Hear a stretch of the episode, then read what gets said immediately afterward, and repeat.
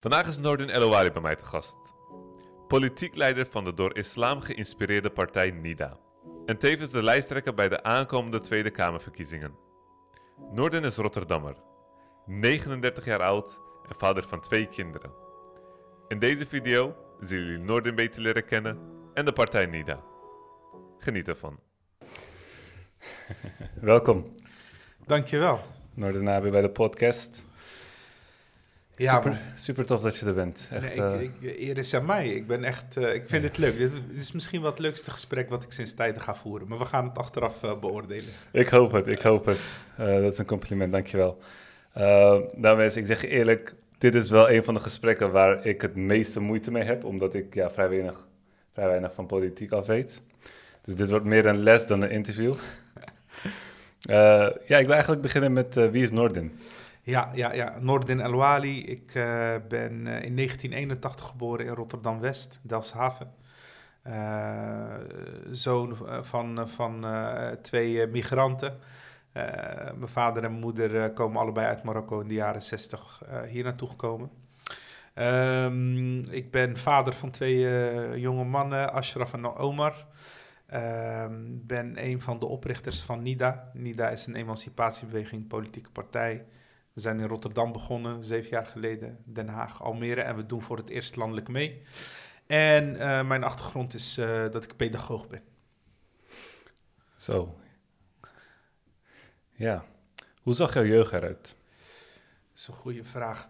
Mijn jeugd. Kijk, ehm, zoals ik zei, ik ben opgegroeid in Dashaven. Ik kom uit een gezin, eh, ik heb twee oudere zussen en, en, en een broertje. Eh, zowel mijn vader als mijn moeder hebben geen eh, eh, andere familie in Nederland. Dus alle familie, ooms, tantes en zo, is voor ons, dat was in Marokko. Dus in die zin groeiden we op. Klein gezin. Ik heb op zich een, eh, ja, een, goede jeugd gehad. Mijn vader is altijd ondernemer geweest. eh, Altijd, weet je, hij is analfabeet, hij kan niet lezen en schrijven, maar hij heeft wel altijd ondernomen. Hij heeft altijd zaakjes gehad, winkeltjes gehad. Deed het vrij goed. Alhamdulillah, we hadden thuis, in die zin hadden we het gewoon goed. Weet je, niet eh, superrijk, maar ook niet echt geldzorg voor zover ik weet. Ehm, en mijn moeder, in tegenstelling tot mijn vader, heeft, heeft wel altijd een beetje onderwijs genoten toen ze in Marokko nog woonde. En zowel van mijn vader als van mijn moeder kregen we thuis mee dat onderwijs belangrijk is. Van mijn vader vanuit het gemis. Hij merkte gewoon, weet je, van, hey, weet je, ik heb nooit echt goede kans gehad. En van mijn moeder vanuit eh, eh, eh, het besef, wat, wat, wat, wat, wat geletterdheid, welke deuren dat opent. Dus dat was een belangrijk iets in ons gezin. En ja, voor de rest heel sociaal. Weet je, mijn vader was de oudste uit zijn familie. Hij komt uit Noord-Marokko, Rif is dat. Beetje uit een, ja, een ar- arm gezin. Dus hij voelt zich altijd verantwoordelijk voor, voor anderen. En hij heeft eh, eh, een extra zwak voor mensen die met de harde kant van het leven in aanraking komen. Dat is mijn vader, wie, dus, weet je, dit is wie die was. Voor de mensen die het niet even weten, we beginnen altijd met onderwerpen, ook voor jou. Leven hebben we. Daarna gaan we over naar politiek. En daarna gaan we over naar geloof. We zijn nu bij leven. Ehm, waarom heb je besloten om te doen wat je nu doet? Ja, weet je, Ismaël, het is niet eens een besluit. Ik denk dat het gewoon een levensloop is geweest in mijn geval. Weet je, ik, eh, ik eh, ehm, op een gegeven moment eh, in Rotterdam kreeg ik de Fortuynrevolutie. Pim Fortuyn stond op. Dat was na 9-11. Dat was ook zo'n gebeurtenis wat ik heel bewust heb meegemaakt. Dus ik begon me sowieso rustig politiek bewust te worden. Van hé, hey, gaat over mij. Het gaat over mijn ouders, over mijn vrienden. Als hij zegt dat islam een achterlijke cultuur is en dat soort zaken meer. Dus, dus eh, ik ontwaakte een beetje. En ik kom, ik kom uit Rotterdam. Dus, en, en Pim Fortuyn kwam ook uit Rotterdam. Dus dat was voor mij, naast dat ik studeerde en ging werken, zeg maar een heel belangrijk onderdeel waar ik me steeds meer mee bezig in hou. Dus ik ging me inlezen in politiek, in verschillende politieke stromingen, verschillende filosofieën. Wat, wat, ja, hoe zijn partijen ontstaan? Wat vinden ze dan? Wat maakt het verschil tussen de een en de andere partij? En dat is een traject geweest. En om eh, gewoon heel duidelijk aan te wijzen van waar word ik dan politiek betrokken. Op een gegeven moment had je allerlei debatten in die tijd in de stad. Het ging over integratie, het ging over islam en zo. En ik ging daar wel eens naartoe. En eh, ja, af en toe ging ik me gewoon eh, bemoeien met het debat, weet je wel. Dan denk ik, weet je, ja, ik, ik, eh, weet je, ik zie dat heel anders. En dat viel op. Dat viel op bij bepaalde mensen. En ja, die, die, die zouden me aanspreken. En zo zou ik langzamerhand in de politiek rollen. Totdat ik in 2010 eh, op de kandidatenlijst van GroenLinks kwam te staan in Rotterdam voor de gemeenteraadsverkiezingen. Oh, dus je bent bij GroenLinks begonnen. Ja, Daarna ben je er ja, weggegaan. Ja ik ben daar weggegaan. Niet, niet met ruzie of zo, maar wel vanuit de overtuiging. Eh, GroenLinks eh, en andere partijen, we hebben iets anders nodig. We moeten op eigen benen staan. We moeten op eigen, willen we echt gelijkwaardig een plekje verdienen in dit land. En zonder eh, meel in de mond praten, zeg maar, zoals dat heet. Dan moeten we ons losmaken van alles en op eigen benen staan. En een eigen visie ontwikkelen en een agenda op tafel leggen. Van punten die ons raken, die wij belangrijk vinden. En eh, dat heb ik gedaan. Ik heb mijn zetel teruggegeven aan GroenLinks. Meestal zie je dat mensen breken, ze nemen een zetel mee. Ik heb gewoon teruggegeven. We zijn met schone lei begonnen, alhamdulillah. Zeven jaar geleden. En op eigen kracht, samen met een aantal broeders en zusters, NIDA opgezet, islam geïnspireerde partij. Ja, met succes gelijk in de raad gekomen toen. Werd door niemand gezien, man, Ismail. Nu ook niet, weet je. Die peilingen. We werden niet gezien, maar we kwamen met, met, met duizenden stemmen in één keer binnen, weet je. Dus eh, Ja. ja. Ik denk dat je ook wat meer, ja, dat, dat is dan mijn mening. Ik bedoel, als je kijkt naar Denk en zo. Zij waren heel vaak in de media. eh, aan tafel, of ze posten zelf video's. Ja. En die gingen ze massaal delen. En, en dat werkte gewoon. Ja, Eh, wat je bijvoorbeeld ook hebt gedaan met de boerkaverbod. Dat je Ja. daar zat, dat hebben heel veel mensen gezien. ja. Al die kleine dingen die helpen wel een beetje. Ook voor jouw Zeker. naamsbekendheid. En dan weten ze ook dat. Want heel veel mensen weten ook niet dat, dat, dat, ja, dat jullie eigenlijk bestaan. Bijvoorbeeld, wist jij dat niet dat bestond? Wist je dat de politieke partij bestond? Nee, toch? Oké, een paar maanden Dat- geleden. ja, nee, we hebben nog een wereld te winnen. Kijk, voor een lokale partij, want dat is het. Hè. We, zijn, eh, de eerste, we zijn begonnen in Rotterdam. Voor een lokale partij hadden we best wel veel landelijke media. Want we, we hebben best wel bij, op verschillende momenten bij talkshowtafels gezeten en zo. Dus voor een lokale partij zijn we heel bekend. Maar tegelijkertijd natuurlijk niet zo bekend als landelijke partijen zijn. Weet je, ik debatteer met Joost Eertmans of met andere, andere, andere mensen. Dat is niet hetzelfde als debatteren met Wilders of met Rutte. Ja, precies. Dus dat is wel een verschil. Ja. Oké, laten we doorgaan even over het leven voordat we politiek gaan. Wat is voor jou het belangrijkste in het leven? Het belangrijkste in dit leven eh, is dat we de test doorstaan. Dat we de test doorstaan, broertje. Eh, ik ben me bewust, ik ben een, een gelovig moslim, ik ben praktiserend moslim. Dus ik, ik kijk vanuit een bepaalde visie naar het leven. Namelijk eh, dat, dat dit leven eindig is. En dat je je tijd die je hebt op aarde wel goed moet besteden. En eh, ja, dat komt, met, dat komt met geluk, dat komt met, met, met, met, met verdriet, dat komt met ziekte, dat komt met gezondheid, dat komt met armoede, dat komt met rijkdom. Maar inshallah hoop ik dankbaar te zijn voor de goede dingen en geduldig te zijn tijdens de moeilijke dingen. Dat is een beetje het balans. Het is makkelijker gezegd, maar dat is de uitdaging. Is dat ook hoe je met tegenslagen omgaat? Ja, weet je, tegenslagen. Ik ben het met de jaren anders gaan, eh, gaan zien. Eh, ehm, Wanneer is iets een tegenslag voor jou? Eh, een tegenslag is per definitie ook een les. En het is een voorbode van iets goeds. Zo ben ik dat gaan zien. Want kijk, als je bijvoorbeeld, er is een Sora eh, in de Koran, eh, wat, een ayah wat ga, wat- wa- waarin het volgende wordt gezegd: Bismillahirrahmanirrahim. Fa inna ma'al usri yusra. Fa inna ma'al usri yusra. Met andere woorden, fa inna ma'al usri yusra. Na niet na tegenspoed komt voorspoed. Niet na, maar ma'a. Het woordje ma'a betekent met. Dus met tegenspoed komt voorspoed. Komt gemak. Yusra, je kan het op verschillende manieren eh, vertalen. Maar laten we zeggen, met ongemak komt gemak. Dus met andere woorden. eh, nu weet ik gewoon, als, als, je, als het leven klappen begint uit te delen. Dan het eerste wat je zou moeten zeggen is... eh, Inna lillahi wa inna ilayhi raji'un. Dat is wat wij gelovigen weten. Wat, wat op het moment dat een musiba of een moeilijk iets je overkomt... Grijp dan meteen naar de basis. Van hem komen we, naar hem keren we terug. Zodat je gewoon de juiste mindset creëert. Van, luister, dit is allemaal tijdelijk, we worden beproefd. Zit rustig, weet je, hou je, hou je in. Ga geen gekke dingen doen. En vervolgens, en dit is, geeft rust. Het geeft, het, geeft, het geeft hoop. Met tegenslag komt altijd voorspoed. Het, het, gaat, het komt samen. Dus als die klappen beginnen te komen, dan begin ik al te lachen, want die mooie dagen zijn daar. Ja, ja dat helpt met de jaren. Met de jaren helpt dat. Ja, Je hebt kinderen, hè? ja. Wat heeft dat voor jou veranderd? Oh, Ja, ik hoor heel vaak van, eh, je moet vroeg een kind nemen, maar ja, ik ja, dat. nee, het, heeft moment. echt, het heeft echt veel, veel veranderd, man. Oké. Kijk, weet je, het besef hoeveel ik van mijn kinderen hou. Tot het punt dat het bijna onvoorwaardelijk is. Dat je zegt, weet je, weet je dit, is een vorm van liefde die ik nog nooit eerder heb ervaren. Weet je wel? Bij mijn kinderen. Weet je, je hebt verschillende vormen van liefde. Maar deze vorm had ik nog nooit eerder ervaren. En dan het besef daarbovenop, eh broertje. Eh, dat Allah Azza wa Jal nog meer van ons houdt. Weet je wel. Wauw, weet je, dat... eh, dat ik, eh, som- eh, weet je, ik heb echt, soms kan ik daarvan huilen, weet je wel. Van hoe, weet je, hoe, je, ik kan me niet voorstellen dat ik mijn kind kwaad wil doen of zo, weet je. Ik wil hem beschermen, ik wil hem, van hem houden, ik wil hem het beste geven.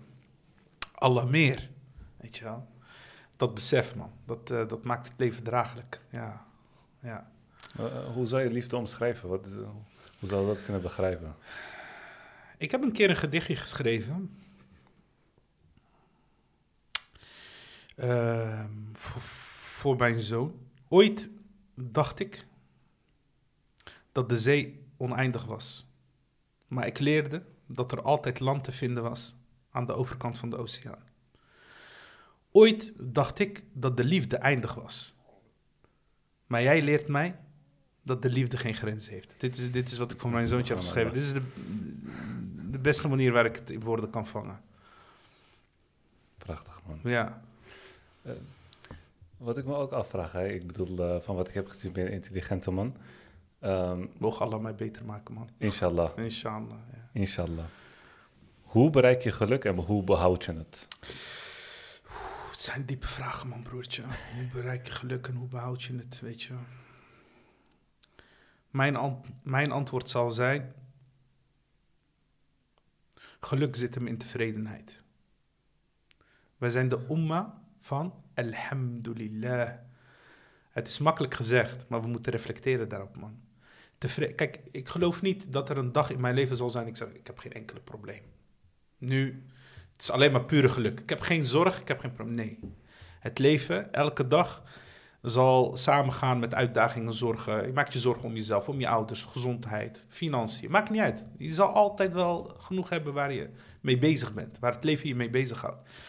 Maar geluk zit hem in alhamdulillah. Voor alles. Ala kulli hal. Maakt niet uit wat er speelt. Alhamdulillah. Dat is wel wat mijn definitie van geluk is. En het leven kent enorme geluksmomenten. Dat je echt piekt. Bijvoorbeeld geboorte van iets. Of, of iets. Of een, weet je, je, deelt in vrucht. Je bent blij voor, voor iemand van wie je houdt. Omdat hij zijn rijbewijs heeft gehad. Kunnen kleine dingen zijn, grote dingen. Geluksmomenten, ja. Maar ik geloof niet in een soort van... Nee, het is een mindset, broertje. Het is een mindset. Tevredenheid. Tevredenheid met wat, waar we staan, wat we hebben. eh, eh, eh, en dat we onze zegeningen ook tellen. Snap je? We kunnen altijd kijken naar wat we niet hebben. En wat we nog meer willen. En zo kan. Weet je, daar kan je echt behoorlijk ongelukkig van worden. En altijd, waarom ik niet? En waarom ik niet? Maar als je, als je het omdraait... Dan, en tevreden bent... Dan, dan, is- dan is het kleinste wat erbij komt, is al iets heel groots. Weet je, dan denk je, alhamdulillah, alhamdulillah. Het is alleen maar zegen op zegen op zegen. En er is genoeg, er is genoeg om... eh, het is maar hoe je kijkt, maar er is genoeg om dankbaar voor te zijn. En echt eh, tevreden mee te zijn. En ik denk dat dat het is. Dat zou mijn antwoord zijn. Waar ben je het meest dankbaar voor in je leven?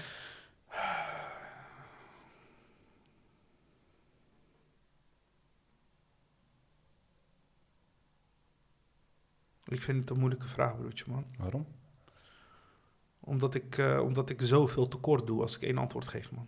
Ik, ik ben gezegend, alhamdulillah, ik ben gezegend. Ehm, Dat is al een antwoord op zich. ja, man. ik ben gezegend, man. Hoe ga ik één ding noemen terwijl ik zoveel zegeningen heb, man? Ik heb zoveel zegeningen, man. Nee, Mooi, man. Ja. Ja, het is echt zo. Blokkade. Hey, maar, oh, oh, soms heb je best wel ja, vragen op, op, op wat je antwoord zou willen, maar nooit een antwoord op krijgt. Ja. Wat is dat bij jou?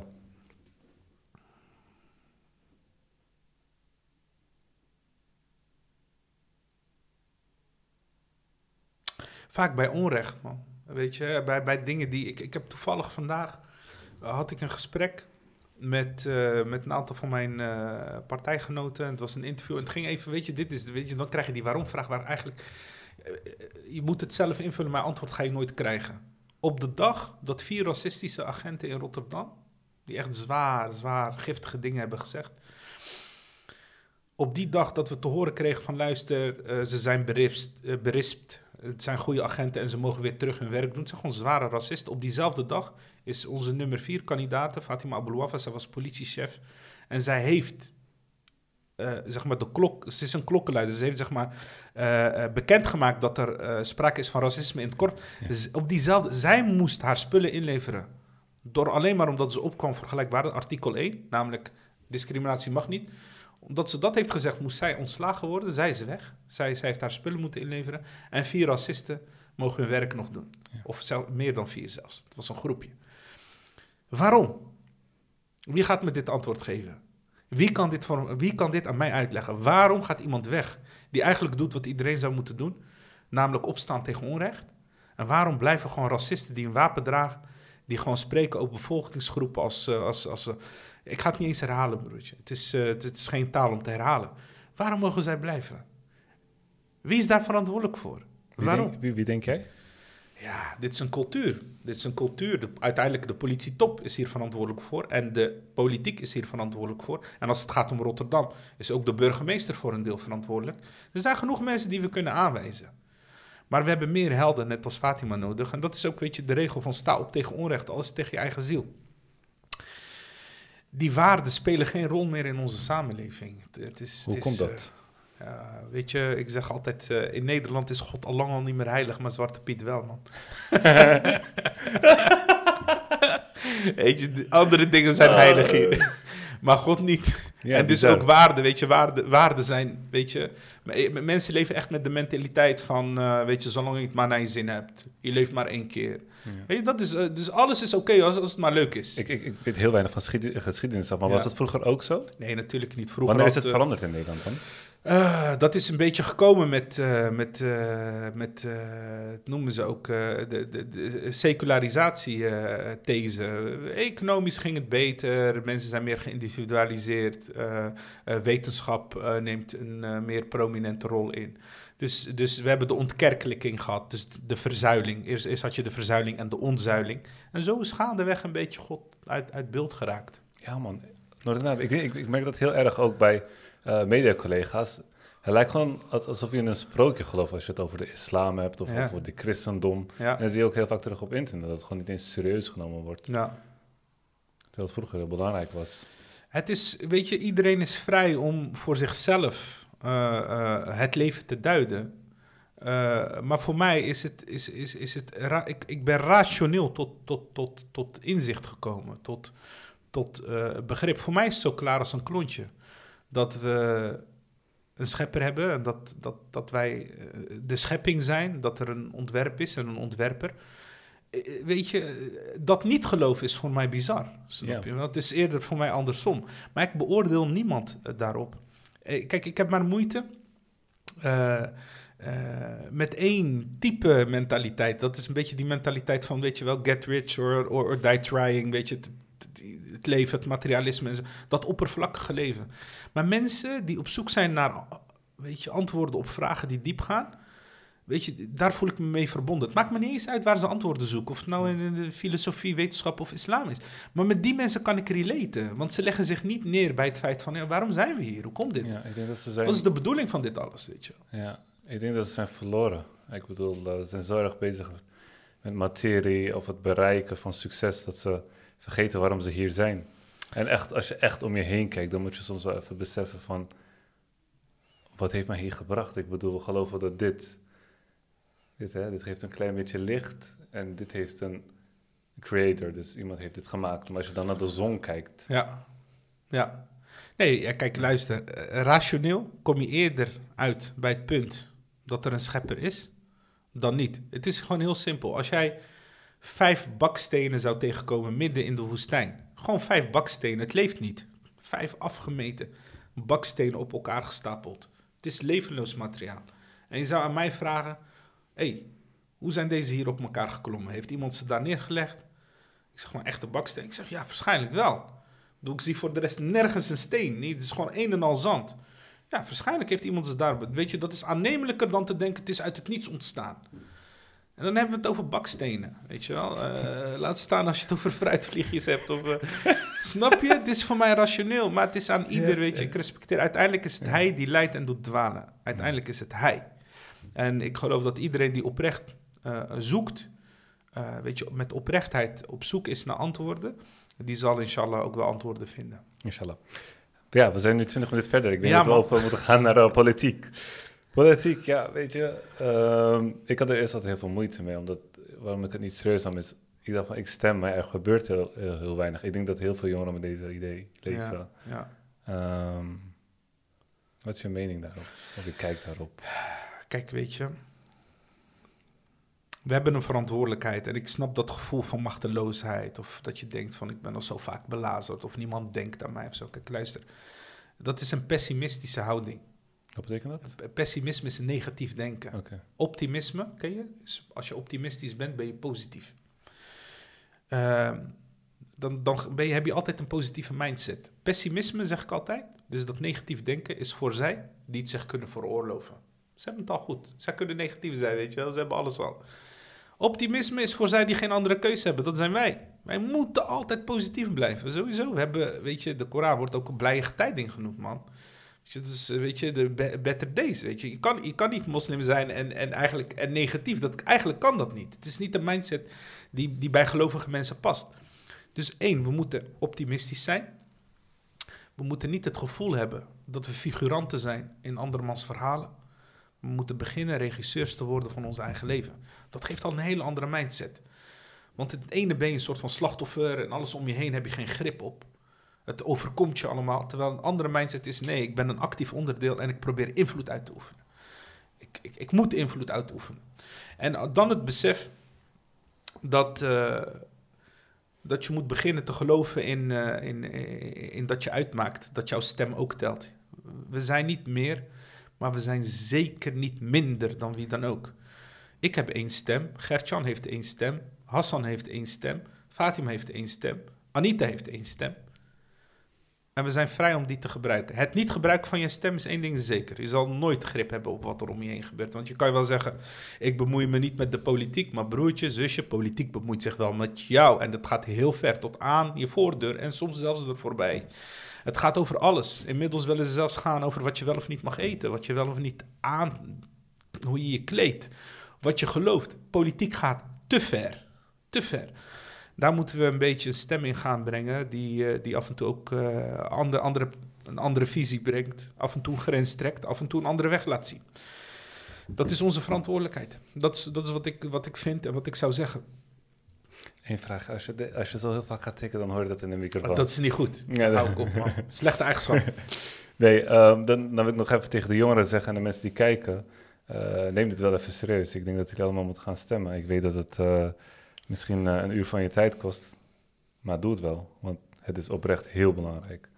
En eh, ik zou jullie ook aanraden om gewoon op NIDA te gaan stemmen. en je te verdiepen in NIDA. Dus voor de mensen die niet weten wat, wie, wie NIDA is of Ja. waar jullie voor staan, kan je dat in kort uitleggen? Ja, kort. Ik ga proberen kort uit te leggen. NIDA is een islam geïnspireerde partij. Zeven jaar geleden opgericht in Rotterdam als eerste. Door vele zonen en dochters van de talrijke gemeenschappen toen in Rotterdam. Dus allerlei etnische achtergronden. We zijn etnisch overstijgend. Weet je, oh, Turkse achtergrond, Marokkaanse achtergrond, Pakistaanse, Surinaams, Hollandse achtergrond. Het is rijkdom. Voor ons is het nooit een probleem geweest. Dat, is, dat zijn de mensen die NIDA hebben gemaakt. En, eh, en eh, eh, ja, we zijn in die zin uniek. Uniek in Nederland, uniek in Europa. Er is geen, geen partij die een beetje dezelfde profiel heeft als de onze. En we hebben een islam geïnspireerde visie op de samenleving. Mensen, zullen zeggen, mensen zullen die zeggen van, ho, maar je hebt toch ook denk? Ja. Ja, je hebt ook Denk, dat klopt. Eh, maar Denk is een seculiere partij. Eh, eh, kijk, NIDA ziet duidelijk een rol, ook voor islam, als visie in de politiek. Denk ziet geen rol voor islam als visie in de politiek. Dat is een bewuste keuze van hun geweest. Seculier betekent dat religie geen onderdeel is van jouw visie als partij. Ja, dat is een heel duidelijk verschil. Er zijn natuurlijk ook over, raakvlakken, laat ik eerlijk zijn. Soms willen we ook echt wel hetzelfde. Eh, maar dit is echt wel een heel belangrijk verschil. Nou, dan weet je, wat, weet je welke vraag ik heel vaak kreeg? Ja, Ehm, waarom doen jullie twee aparte eh, partijen starten als jullie ook gewoon één partij kunnen starten, een eenheid kunnen vormen en nog groter kunnen worden? ja. dat is een eh, oprechte vraag, broertje. Kijk, uiteindelijk even de feiten. NIDA bestond twee jaar eerder voordat Denk zou bestaan. Dus eh, ik wilde ook heel graag dat we samen gaan, gingen werken. Ik wilde het oprecht graag. En ik zal het ook blijven proberen. Het is helaas niet gelukt door verschillende redenen. Daar ga ik nu niet over uitweiden. Maar ik snap dat mensen het lastig vinden van ja, waarom moeten we nu kiezen tussen misschien twee partijen die voor een deel eh, op elkaar lijken. Uiteindelijk heeft NIDA een andere visie, een andere manier van politiek bedrijven vooral ook. En, en, en, eh, en eh, eh, geloven wij in de weg die wij bewandelen, maar voelt het wel als een opdracht om op termijn toch wel die samenwerking te gaan zoeken. Ik zeg, ik zeg er wel één ding bij, Ismail. We laten onze islamitische inspiratie niet vallen. Dat is voor ons een belangrijk iets. We leven in een tijd dat mensen zwaar onder druk worden gezet, dat ze van islam aan het wegrennen zijn. Eh, onder druk, soms maatschappelijk druk, hijab af, weet je, dit, dat, assimileren, et cetera. Nee, wij, wij, wij, wij rennen er naartoe. Dus dat heb ik ook eh, tegen de broeders van Denk. Als jullie geen moeite hebben met islamitische inspiratie, dan zitten we liever vandaag nog dan morgen aan tafel. Dit is, dit is het punt waar het uiteindelijk ook een beetje op is gebroken. Oké. Ja, jammer. Maar wat niet is, kan nog komen. Ja, precies, je weet maar nooit. Past geloof ook in een democratische rechtsstaat. Maar eh, democratische rechtsstaat kan niet zonder geloof, man. Hm. Ja, anders verval je gewoon in, eh, weet je, kijk, kijk, religie, geloof gaat over ethiek. Wat is ethiek? Ethiek is hetgeen wat gaat over wat is goed en wat is slecht. Religie van oudsher was domein, die ging over dit soort vragen. Je kan het ook aan iemands mening vragen, maar religie heeft altijd wat is, wat is schadelijk, wat is, wat is, wat is goed. Ehm, als je als je een democratische rechtsstaat eh, zonder ethiek hebt, dan, dan, dan wint het dictaat van de meerderheid het. En dat is niet altijd goed. Als een meerderheid een minderheid gaat dicteren, is niet goed. De onderbuik wint het, populisme wint het. Wat is populair? Niet wat is goed, maar wat is populair is hetgene wat dan. eh, dus ik denk dat, eh, dat eh, religie ook een beetje ethiek aan tafel brengt. En dus niet alleen maar doet wat populair is, maar meer gaat nadenken: maar ja, is dat ook het juiste om te doen? Snap je? Wie, Dat is- wie, wie, wie, bepaalt dan eigenlijk wat juist is? Ja, dat doe je uiteindelijk met elkaar natuurlijk in het debat. En je probeert elkaar ook te overtuigen. Je hebt ook een meerderheid nodig voor bepaalde zaken. En, eh, en, en, en een religieus geïnspireerde visie mag in dat debat niet ontbreken. Het, is, het kan een belangrijke toevoeging zijn. Een belangrijke eh, eh, richting die, die nog niet wordt meegenomen door anderen. Is het moeilijk als, als zeg maar, de, de samenleving zich aanpast tot de tijd en, en religie niet? Ehm, ja, weet je, ik, ik, vind het niet moeilijk. Weet je, bepaalde principes, eh, echt waardevolle principes, zijn tijdloos. Die moeten niet met de mode meegaan. Ik zeg je gewoon eerlijk. mode is voor kleding, is voor, eh, voor de keuken, et cetera. eh, maar niet voor principes. We zijn niet vandaag voor gelijkwaardigheid en morgen voor iets anders omdat het uit de mode is. Je moet er altijd voor zijn. We zijn niet vandaag voor rechtvaardigheid en morgen voor iets anders omdat het uit de mode is. Maar ja, mode is, eh, is eh, wat ik, nogmaals, laat dat aan, aan, aan andere eh, takken van sport. Wat, wat is het gevaar van mensen die zich aanpassen tot de tijd? Dus bepaalde normen en waarden. Ehm, Want het is toch wel degelijk veranderd. Vroeger was slavernij heel normaal in Nederland. ja, en nu, als je, ernaar, ja, als je erover praat, dan Ja. vindt iedereen het afschuwelijk. ja, Of een homohuwelijk, dat kon vroeger niet. ja. Dat was afschuwelijk. En dat kan en nu nu, wel. als je, het kan nu wel, als je er iets over zegt Ja. wat, wat, wat ja, tegenstrijdig is voor Ja. hun, je wordt gewoon helemaal kapot Ik, snap, gemaakt. ik snap je vraag, ik snap je vraag. Kijk, weet je, het risico is... eh, een filosoof, ik denk Nietzsche, heeft ooit gezegd... krankzinnigheid, krankzinnigheid komt bij een enkeling zelden voor... maar is in groepen regel. Als jij de mode volgt, zeg maar... Mhm. dan kunnen de meest krankzinnige dingen... als iedereen dat normaal vindt, kan je normaal gaan vinden. Bijvoorbeeld, ik noem maar iets... eh, eh, eh, vrouwenbesnijdenis, zoals je dat in Kenia bij sommige christelijke en sommige islamitische culturen ziet in Afrika, wat best wel ver gaat.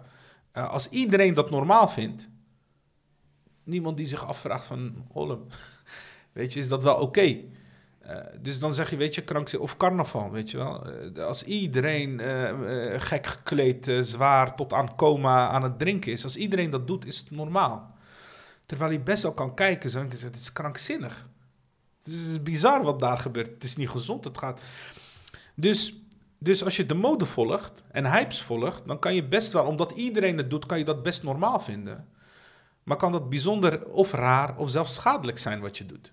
Dus dit is mijn visie daarop, weet je wel. Eh, eh, kijk, ik, ik, ben, ik, ik, ik ben niet per se loyaal aan bepaalde, weet je, cultuur of wat dan ook. Ik ben loyaal aan mijn principes. En dan is de vraag, waar haal jij je principes vandaan?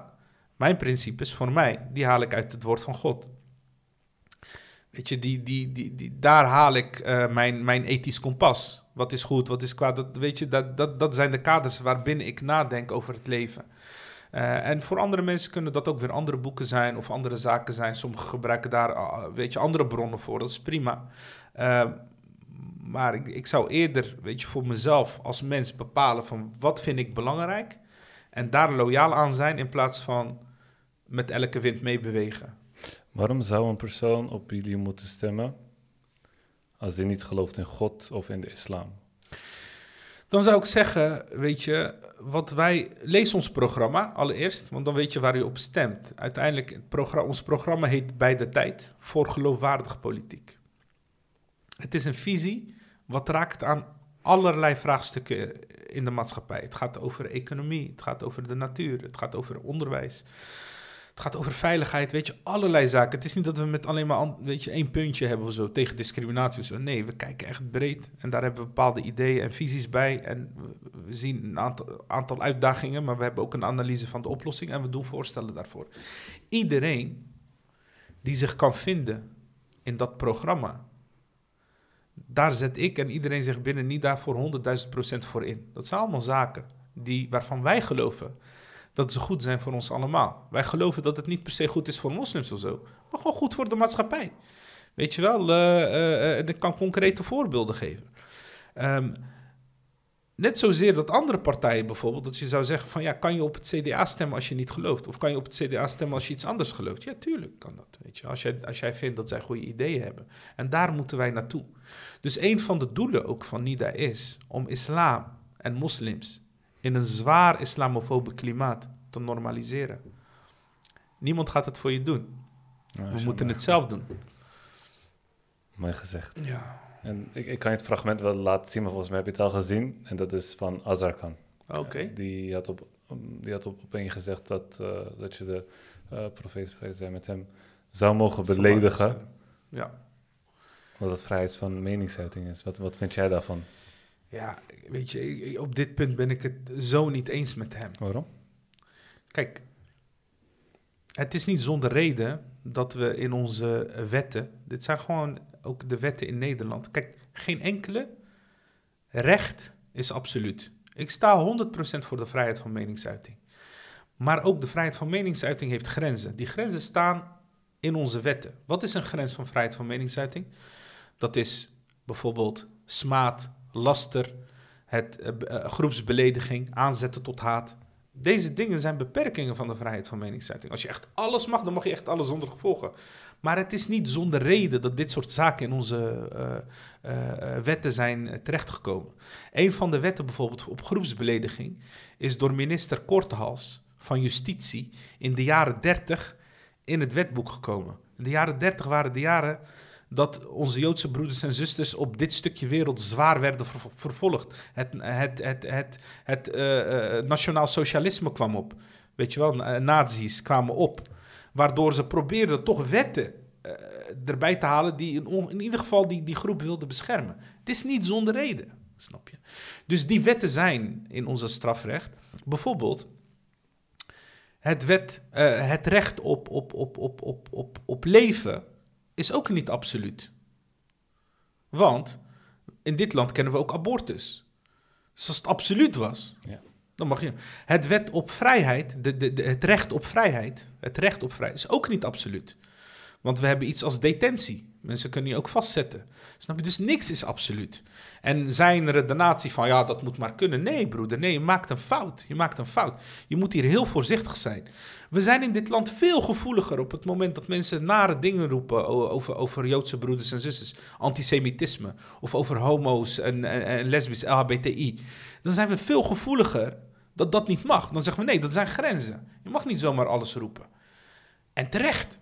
Maar waarom hebben we niet dezelfde gevoeligheid als het gaat om islam en moslims? Waarom niet? Ja, omdat het populair is. Mensen scoren met, uh, met trappen tegen islam en moslims. Het levert ze zetels op. En hier maakt broeder Azarkan een grote fout.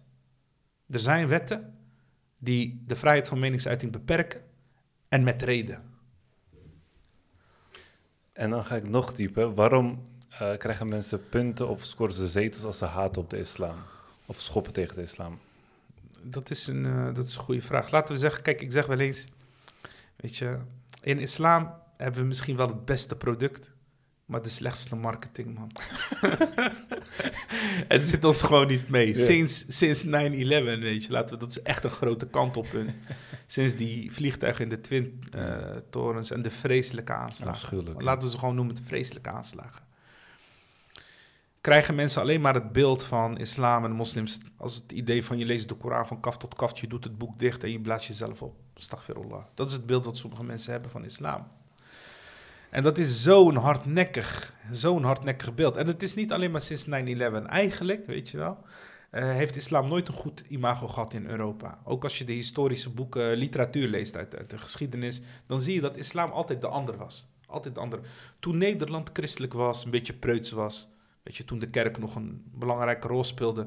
En je, en je leest de boeken uit die tijd, bijvoorbeeld uit 1920 of, of daarvoor. En ze praten over het Midden-Oosten of over, over islamitische landen. Dan omschrijven ze die landen als losbandig, duizend en één nacht, veel wijverij, weet je wel, mannen veel vrouwen.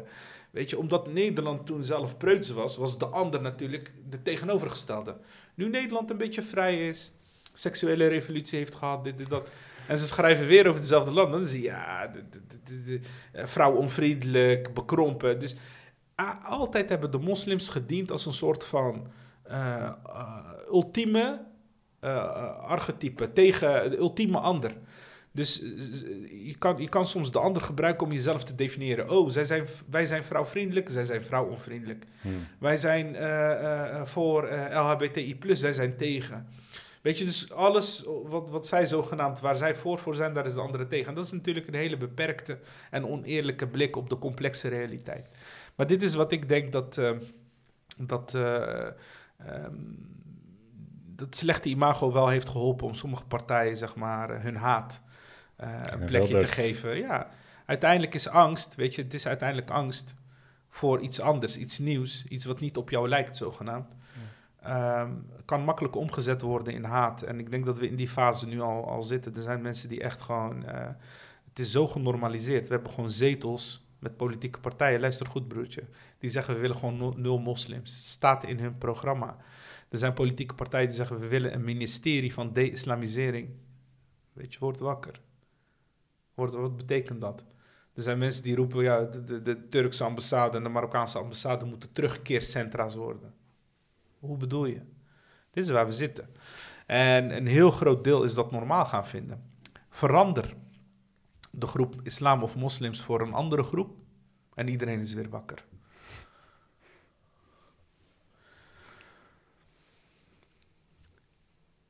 Zijn er ik heb ook nog, ik heb nog een vraag. Misschien is het vervelend, of is het misschien hetzelfde, dan kunnen we dat er gewoon uithalen. Maar als kan had bij Bel ook gezegd dat de religieuze scholen homoseksualiteit niet mogen afwijzen als zonde. Wat vind jij daarvan? Weet je, weet je, het is niet zo simpel. Het is niet zo simpel. Dat is die anti-homo-verklaring vanuit het onderwijs. Ik heb, ik heb dat gelezen, weet je wel. Daar, daar, staat niks in dat ze tegen homo's of wat dan. Wat daarin, wat, van wat ik begrijp. Kijk, in dit land heb je vrijheid van religie, vrijheid van onderwijs. Van wat ik van die, van die eh, verklaring begrijp, is dat sommige scholen zeggen: wij geloven in Jezus als de zoon van God.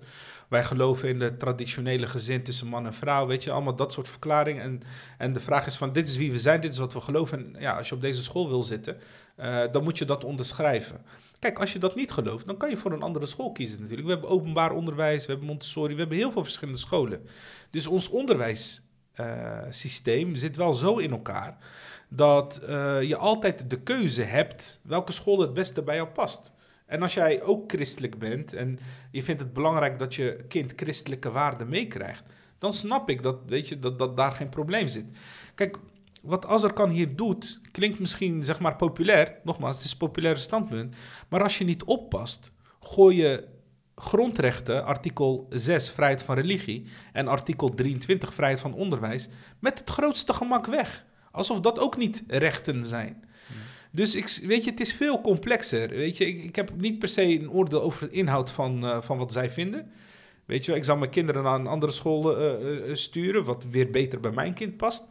Maar als je me vraagt van, mogen ze dat op die manier formuleren? In de beeldvorming is een soort van anti-homo-verklaring. Is helemaal niet waar. Lees het gewoon. Ja. Weet je, het is gewoon een, een, een christelijk uitgangspunt. En ik vind dat dat moet kunnen, want we hebben artikel 23 en we hebben artikel 6. En dat vind ik net zo eh, belangrijke vrijheden als bijvoorbeeld gelijkwaardigheidsbeginsel, et cetera. Nu ik je toch hier aan tafel heb, ik, ik, ja, weet je, eh, ik denk dat heel veel mensen zich hierin kunnen vinden. Als je bijvoorbeeld met een homo in gesprek gaat, dan, dan weet je, bijvoorbeeld, ik heb wel eens met homo's gezeten en dan, weet je, het zijn gewoon relaxte mensen. En, en dan zeggen ze altijd van, ja, de islam accepteert geen homo's. Soms is het wel moeilijk om dat tegen een homo te zeggen. Je? Kijk, weet je, uiteindelijk is het zo. Ik zie ieder mens, en ik weet je, uit de grond van mijn hart, eh, broertje, geloof wat ik hier zeg. Ik zie ieder mens als mijn gelijke. En ik zie ieder mens als mijn broertje, zusje of broer of zus. Ik voel mij verbonden met elk mens. En ik zal ook alles eraan doen dat niemand benadeeld of gediscrimineerd wordt, wat dan uiteindelijk. Kijk, als je, als je vindt dat homoseksualiteit een zonde is vanuit de religieuze visie, dan kan dat. Dan moet je dat voor jezelf in je leven een plekje geven. Als je worstelt met die gevoelens. Dat kan. Maar als jij niet in eh, islam gelooft, wat dan ook, dan zie ik het probleem niet. Waarom, waarom zou je moeite hebben met dat iemand die iets gelooft, weet je, wat, wat, wat- je bent vrij om je leven te leiden, weet je. Niemand gaat je dwingen om, eh, eh, om niet te doen of iets wel te doen. Dan wordt het een probleem. Als er moslims zijn die gaan dwingen dat iemand moet worden net als zij, terwijl we weten dat islam zegt, er is geen dwang in het geloof. Blijf van je handen daarvan af. Weet je, wat ik geloof, weet je, vanuit islam, wat ik leer, is dat, dat Allah Azawajal ons leert dat alle mensen gelijk zijn. Broeders en zusters van elkaar. Behalve in taqwa, in Gods bewustzijn. We zijn allemaal gelijk. Behalve in Gods bewustzijn. En wie oordeelt over Gods bewustzijn? Dat is niet onze plek. Dat is aan Hem. Verheven is Hij. Dus ik heb niet het gevoel dat ik anderen moet beoordelen. Omdat, laten we zeggen, eh, eh, als je het al een zonde vindt, dan vind ik ook dat we vaak eh, te eenzijdig bezig zijn met die ene zonde. Weet je, ik bedoel, overspel is ook een zonde. Maar daar hoor je niemand over, man. is problematisch, broertje, is problematisch. Maar tegelijkertijd, als je het al een zonde vindt, weet je, respecteer anderen in hun eigen keuzes. We maken allemaal fouten, zou je kunnen zeggen. Als je, als je, eh, iedereen maakt, eh, heeft een bepaalde levenswijze, maar alsjeblieft leer omgaan met verschil. Eh, voor mij is het belangrijk dat als ik wil leven zoals ik wil leven, dat ik het besef heb dat ik precies dezelfde ruimte geef aan een ander om zijn eigen leven te leiden. En die vrijheid is van God gekregen. Ja. Weet je, dat moeten we ons beseffen. En ik zeg je tegelijkertijd ook, want ik snap dat je zegt van, ik vind het echt moeilijk. Kijk, uit liefde, als je echt iets gelooft en je gelooft in het paradijs en, en je denkt van, hé, hey, weet je, deze weg is misschien beter voor iemand anders. Weet je, dat snap ik. Dat is echt uit liefde, dat je iemand wil tegenhouden van iets of zo. Maar tegelijkertijd besef je, hij leidt en doet dwalen. En iedereen mag uiteindelijk zijn eigen keuzes maken in het leven. En ik, eh, even van mijn rol als politiek. Hè, want kijk, ik, ik, ik, ik ga niet... Misschien is dit een te lang antwoord. Ehm, eh, maar ik zal altijd het recht verdedigen van een ieder. En ik accepteer geen overheid die zich bijvoorbeeld gaat bemoeien met mij op het moment dat ik zeg ik ben moslim en ik doe de shahada. Ik accepteer geen overheid die zich daarmee bemoeit. En net zozeer zal ik ook opkomen voor anderen die ook hun leven willen leiden zoals ze willen. Dus mijn vrijheid hangt samen met de vrijheid van anderen. En daar moeten we bereid zijn voor op te komen. Weet je, het is, het is niet het simpele antwoord, maar het is echt wel het juiste Ja, antwoord. ik vind het wel mooi wat je zegt. Ik denk dat, eh, dat de fout vaak is dat mensen eh, willen dat je hun begrijpt, maar dat dat niet wederzijds is. Ja, Of, of weet je, dat, je dat je een beetje geforceerd wordt om, ehm, om het toch te accepteren. En er is geen wederzijds, eh, wederzijds acceptatie. klopt. Want wat ik wel voel, en dat zit een beetje ook eh, in, jouw vraag, is dat, weet je, ehm, ik heb steeds meer het gevoel dat in dit land ehm, eh, de vrijheid van religie bijvoorbeeld ook onder druk staat. Weet je, een, een, een zusje eh, die, die, die in een klaslokaal zegt, weet je, ik geloof dat, dat seks eh, voor in het huwelijk is, die wordt voor gek verklaard. Daar komt druk op. Nee, dat is een raar standpunt. Ook dat is een standpunt wat alle rechten heeft om te, zijn, om, om, te bestaan. Je kan niet zoiets afwijzen. En ik heb het gevoel dat dat soort standpunten, maar ook traditionele eh, eh, eh, gezin, onder druk staat. Weet je wel? En ja, dat is net zozeer een kwalijke ontwikkeling. Snap je? Dat mag ook niet zo zijn. eh, dat, dat, dat, dat dat iets is wat je eh, actief moet bestrijden. Dus NIDA zal altijd opkomen voor de gelijkwaardigheid van iedereen, artikel 1. Maar zal ook opkomen voor artikel 6, namelijk dat je kan geloven wat je wil geloven. Mooi man, prachtig. Ja. Eh, ik, weet- als we toch nog 50 minuten, 15 minuten hebben, ik, ik vind het toch wel een belangrijke vraag. Ja. Hoeveel zetels verwacht u dat NIDA gaat halen? Kijk, als alle moslims in Nederland zouden stemmen, zeg maar, dan heb je een potentie van negen zetels. Als alle stemgerechtigde moslims zouden stemmen, heb je een potentie van negen zetels. Als alle mensen van kleur zouden stemmen, dan heb je een potentie van 30 zetels. En als iedereen met een geweten zou stemmen, dan heb je gewoon 150 zetels, broer. Dan heb je gewoon heb je alle zetels in de Tweede Kamer. Maar ik denk, ik denk en ik hoop dat NIDA in ieder geval twee tot drie zetels haalt. Dat hoop ik. En eh, we zullen zien hoe dat gaat. Maar eh, het is voor ons cruciaal om de aansluiting te vinden met de Kamer. Dat, eh, in onze overtuiging is dat belangrijk voor de ontwikkeling van islam en moslims op dit stukje wereld. Mensen, alsjeblieft, ga stemmen op NIDA. Dit is echt belangrijk. Ik vind het, ik, ik vind het toch wel belangrijk om, om toch te zeggen, omdat voor mij eh, mijn islamitische normen en waarden heel belangrijk zijn. En ik heb ook het gevoel dat het steeds moeilijker en moeilijker wordt. Als Ja. jij iets vertelt vanuit jouw normen en waarden, zullen ze heel raar opkijken. En je zal daar nog steeds meer moeite en moeite mee hebben eh, met de loop van de tijd. Eh, Ja. Of was het goed met de loop van de tijd? Ja, nee, het is helemaal goed. In de loop van de In tijd. de loop van de tijd.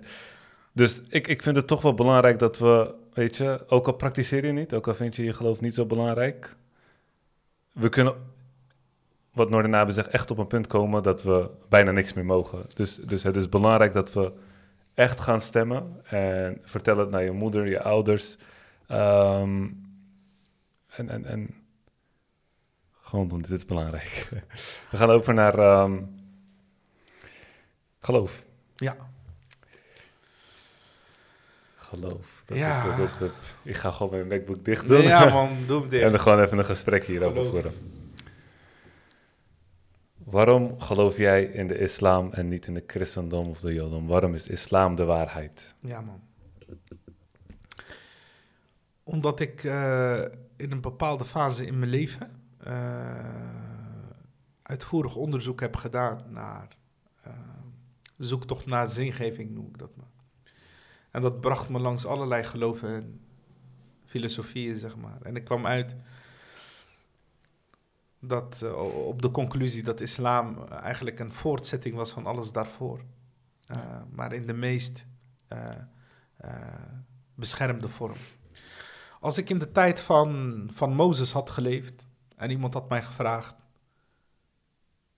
Wat ben jij, waar geloof jij? Of sterker nog, als we aan Mozes hadden gevraagd, Musa, Musa alayhi. Als we aan hem hadden gevraagd: Waar geloof jij in? Hoe noem jij jezelf? Dan zou zijn antwoord niet zijn: Ik ben Jood.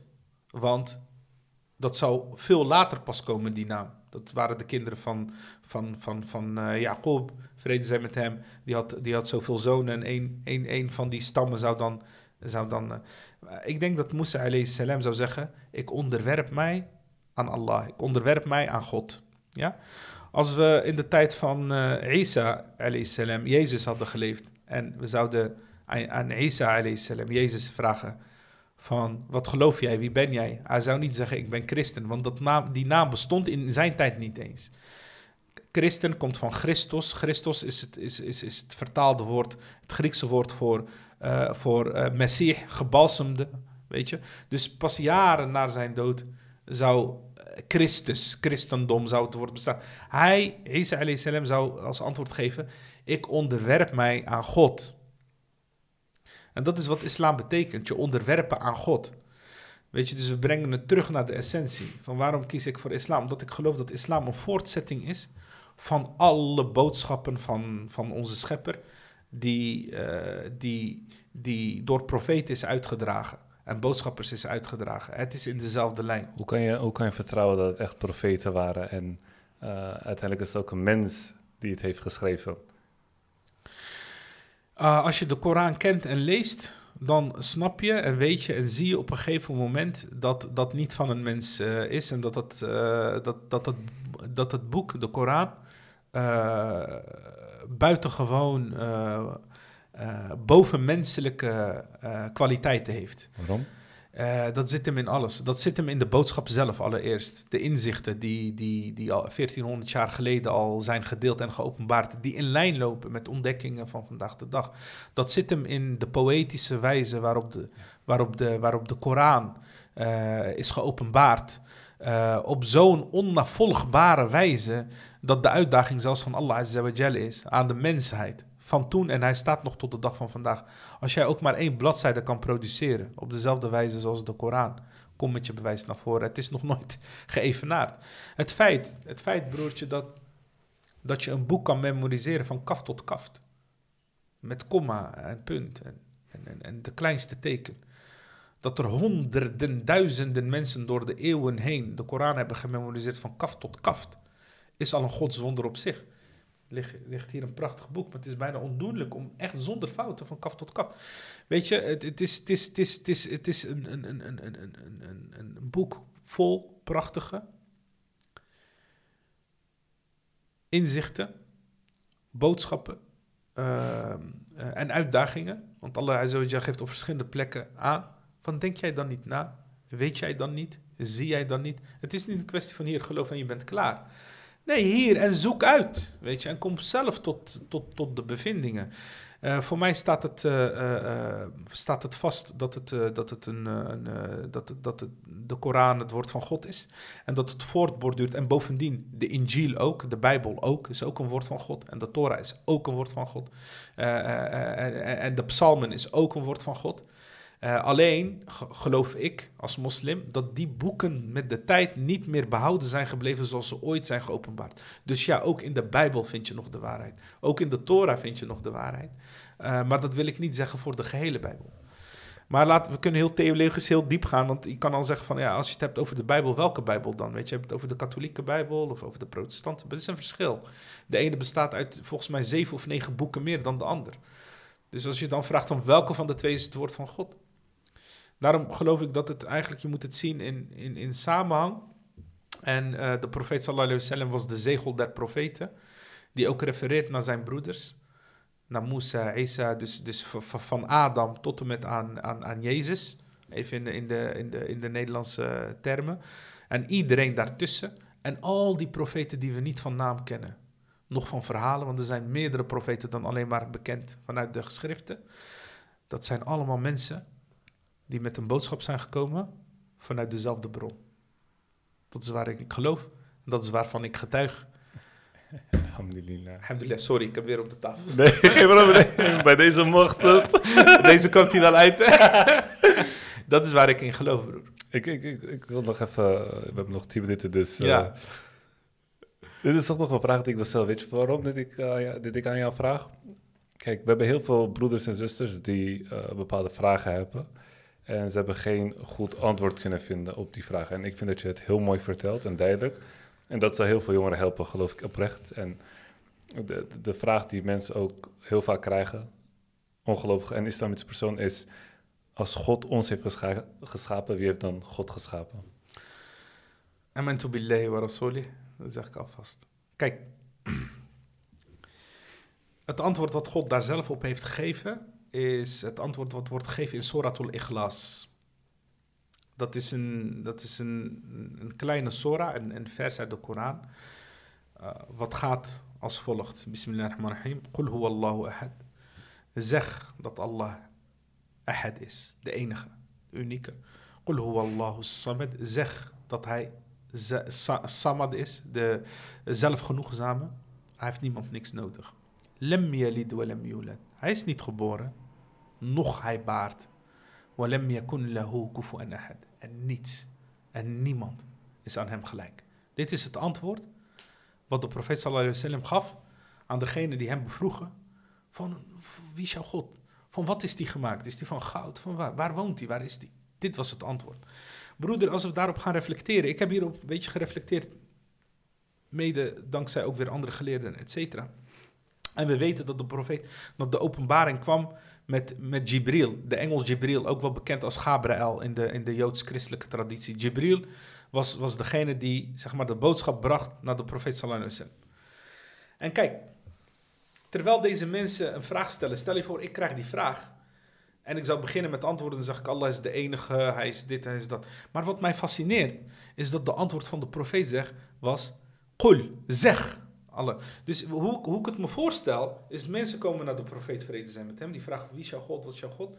En weet je, hij, en, en, Jibril alayhi komt met de openbaring, en die zegt tegen de profeet, hij, zeg maar hier, zegt tegen, zeg tegen hun, Allah is één. En de profeet sallallahu wasallam, zonder er iets van af te halen, nog erbij te doen, hij geeft één op één het antwoord. Zeg Allah zei, het is een rare manier om met iemand te praten, toch? Maar hij herhaalt gewoon wat Jibril tegen hem zegt. Hij zegt, zeg tegen die mensen, Allah is één. Qul huwa Allahu ahad. Qul huwa Allahu samad. Weet je, zo interpreteer ik dat. Subhanallah, weet je wel. Deze Ja, profeet, vrede zijn met hem. Weet je, als de openbaring kwam. Hij sprak niet vanuit eigen begeerte. Hij sprak niet vanuit... Hij sprak zoals het neerkwam. En hij gaf het door. Dus wij zijn gewend om te denken in, vanuit onze menselijke vermogens. Dat noemen ze lineair denken. Er is een begin, er is een eind. Maar wanneer je circulair gaat denken, als iemand je vraagt waar is het begin van een cirkel en waar is het eind van een cirkel? Een cirkel heeft geen begin en geen eind. Dus met onze menselijke vermogens is het moeilijk te bevatten. En af en toe zal de duivelse influistering zijn, maar hoe kan dat nou? zegt God, God staat er buiten alles en iedereen. Verheven is hij. En met zijn openbaring probeert hij uit te leggen eh, eh, aan ons dat hij bestaat en welke kenmerken hij heeft. Weet je, zijn schone namen, et cetera. En wat het doel is van dit leven. En, en, en, en, en, ja, en iedereen die daar zijn voordeel mee wil doen en beter begrip en inzicht wil creëren van dit tijdelijke leven, eh, kan daar zijn voordeel mee doen door begrip, door begrip te ontwikkelen en de complexiteit van alles een beetje eh, een plek te geven. En voor mij, voor mij in ieder geval is, eh, is dit een, een, een ontwikkeling geweest waar ik nog steeds middenin zit. Weet je, voor mij is islam ook niet iets van het begin of een eind. Het is organisch. Alles wat stil ligt gaat stinken, net als water. Eh, dus het mooie van, van moslim zijn en islam zijn is niet net als ik zeg, oké, ik geloof, ik ben klaar. Ik moet elke dag weer zoeken en elke dag weer in praktijk brengen. En elke, sommige dagen zijn moeilijk en zwaar. De dagen zijn licht. Maar het is elke dag, elke dag. En dat houdt het ook in leven. En dat vind ik mooi aan, eh, aan hoe we praktiseren. Je probeert echt het beste van jezelf naar boven te halen. En ook de zaken zoals je ego en meer schadelijke dingen, je driften, je, van nature, weet je wel, die proberen ook een beetje af te remmen. En islam geeft ons manieren om daar op een goede manier mee om te gaan. Maar alhamdulillah, wij geloven in ieder geval in het goede van alle mensen. Van alle mensen, van alle mensen, zelfs van Wilders. Geloven in het goede, weet je wel. En eh, we hopen ook, eh, mogen ons alle, alle weet je. En eh, ehm, ja, als je, als je, als je, als je, weet je, als je dat, dat hebt, die wil dat zo graag delen met de wereld. Hè. Want we leven in duisternis totdat, totdat je een beetje licht gaat zien. En dat wil je delen. Maar je moet het niet opleggen aan mensen. Respecteer gewoon iedereen. Hou van iedereen. Hou van iedereen. Respecteer iedereen. Verdedig ook iedereen. God die doet lijden en God die doet dwalen. Ga je niet beter voelen. Want ik zeg je eerlijk, iedereen die op basis van zijn geloof denkt dat hij meer is dan een ander, heeft van de basis van zijn geloof niks begrepen. Precies. Ja, dus ook als het gaat om andere groepen waar we het over hebben gehad en zo. Ja. Iedereen is gelijk. Zo, kijk, ik zeg je eerlijk, ik ben echt zo'n eh, enthousiaste guy die altijd mijn verhalen wil delen en zo. Maar je weet dat je een goede spreker tegenover je hebt als ik niet praat. ik heb wat, eh, misschien, eh, ik, ik wil dat toch wel even, even zeggen. Ik heb niet, geen persoonlijke eh vraag gesteld over Ja. geloof. Excuses daarvoor. De reden daarvoor is omdat ik dit toch belangrijker vond Ja. voor de mensen die kijken en, en toch deze vraag hebben, maar niet om een heen de mensen hebben die hierop antwoord kunnen geven. En hopelijk hebben wij die informatie kunnen geven. Ik, ik wil het afronden, Is goed, het oké broertje. vindt. Is er nog Zeker. iets, iets wat, wat, wat je vindt dat we moeten bespreken of dat we iets hebben, iets, iets wat, iets wat we nee, hebben eigenlijk gemist? niet. Wat ik wel wil aangeven is, kijk, een politieke partij is niet bedoeld om de persoonlijke beleving, geloofsbeleving van mensen, om zich daarin mee te bemoeien. Als mensen vragen hebben over bijvoorbeeld hoe, hoe, hoe moet ik het gebed verrichten, of eh, weet je, Ramadan, hoe werkt dat, dan moet je naar je imam of sheikh gaan. Of, maar een islam geïnspireerde partij vertrekt vanuit de maatschappelijke doelen van islam. Dus wij zitten op een hogere niveau. Dus dat gaat om het ontwikkelen en beschermen van, van geloof, het ontwikkelen en beschermen van familie, het ontwikkelen. Het feit dat we de islam kunnen leren in moskeeën, Juist, juist. Dus wij zitten op maatschappelijke doelen. En ja, ik vond het een prachtig gesprek. De vragen die je me hebt gesteld zijn echt persoonlijk. Zijn niet per se voor iedereen binnen NIDA, maar dit is hoe ik in het leven sta. Dankjewel dat je te gast was vandaag. En ik hoop dat we dit echt vaker kunnen doen. Dat hoop ik echt. Ik kom met liefde, man. Echt Inshallah. En ik hoop ook dat jullie hebben genoten en eh, ervan hebben geleerd. Mensen, ik, ik, nogmaals, ik ga het zeggen, ga stemmen. Eh, volg ook Noordinab op Instagram. Ik zal zijn Instagram in de beschrijving zetten. Dus ga dat gewoon doen en hou ze gewoon ook in de gaten. En laten we dit gewoon steunen, dit is belangrijk. En eh, ik zie jullie de volgende keer.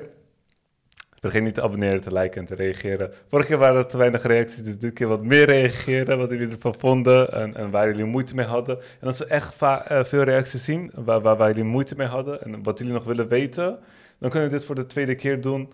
Over vier, drie, vijf, zes, zeven maanden. Maar ik zei het, we gaan het zien. Dus eh, ik zie jullie de volgende keer weer, inshallah. Assalamu alaikum. Assalamu alaikum. Alaikum salam.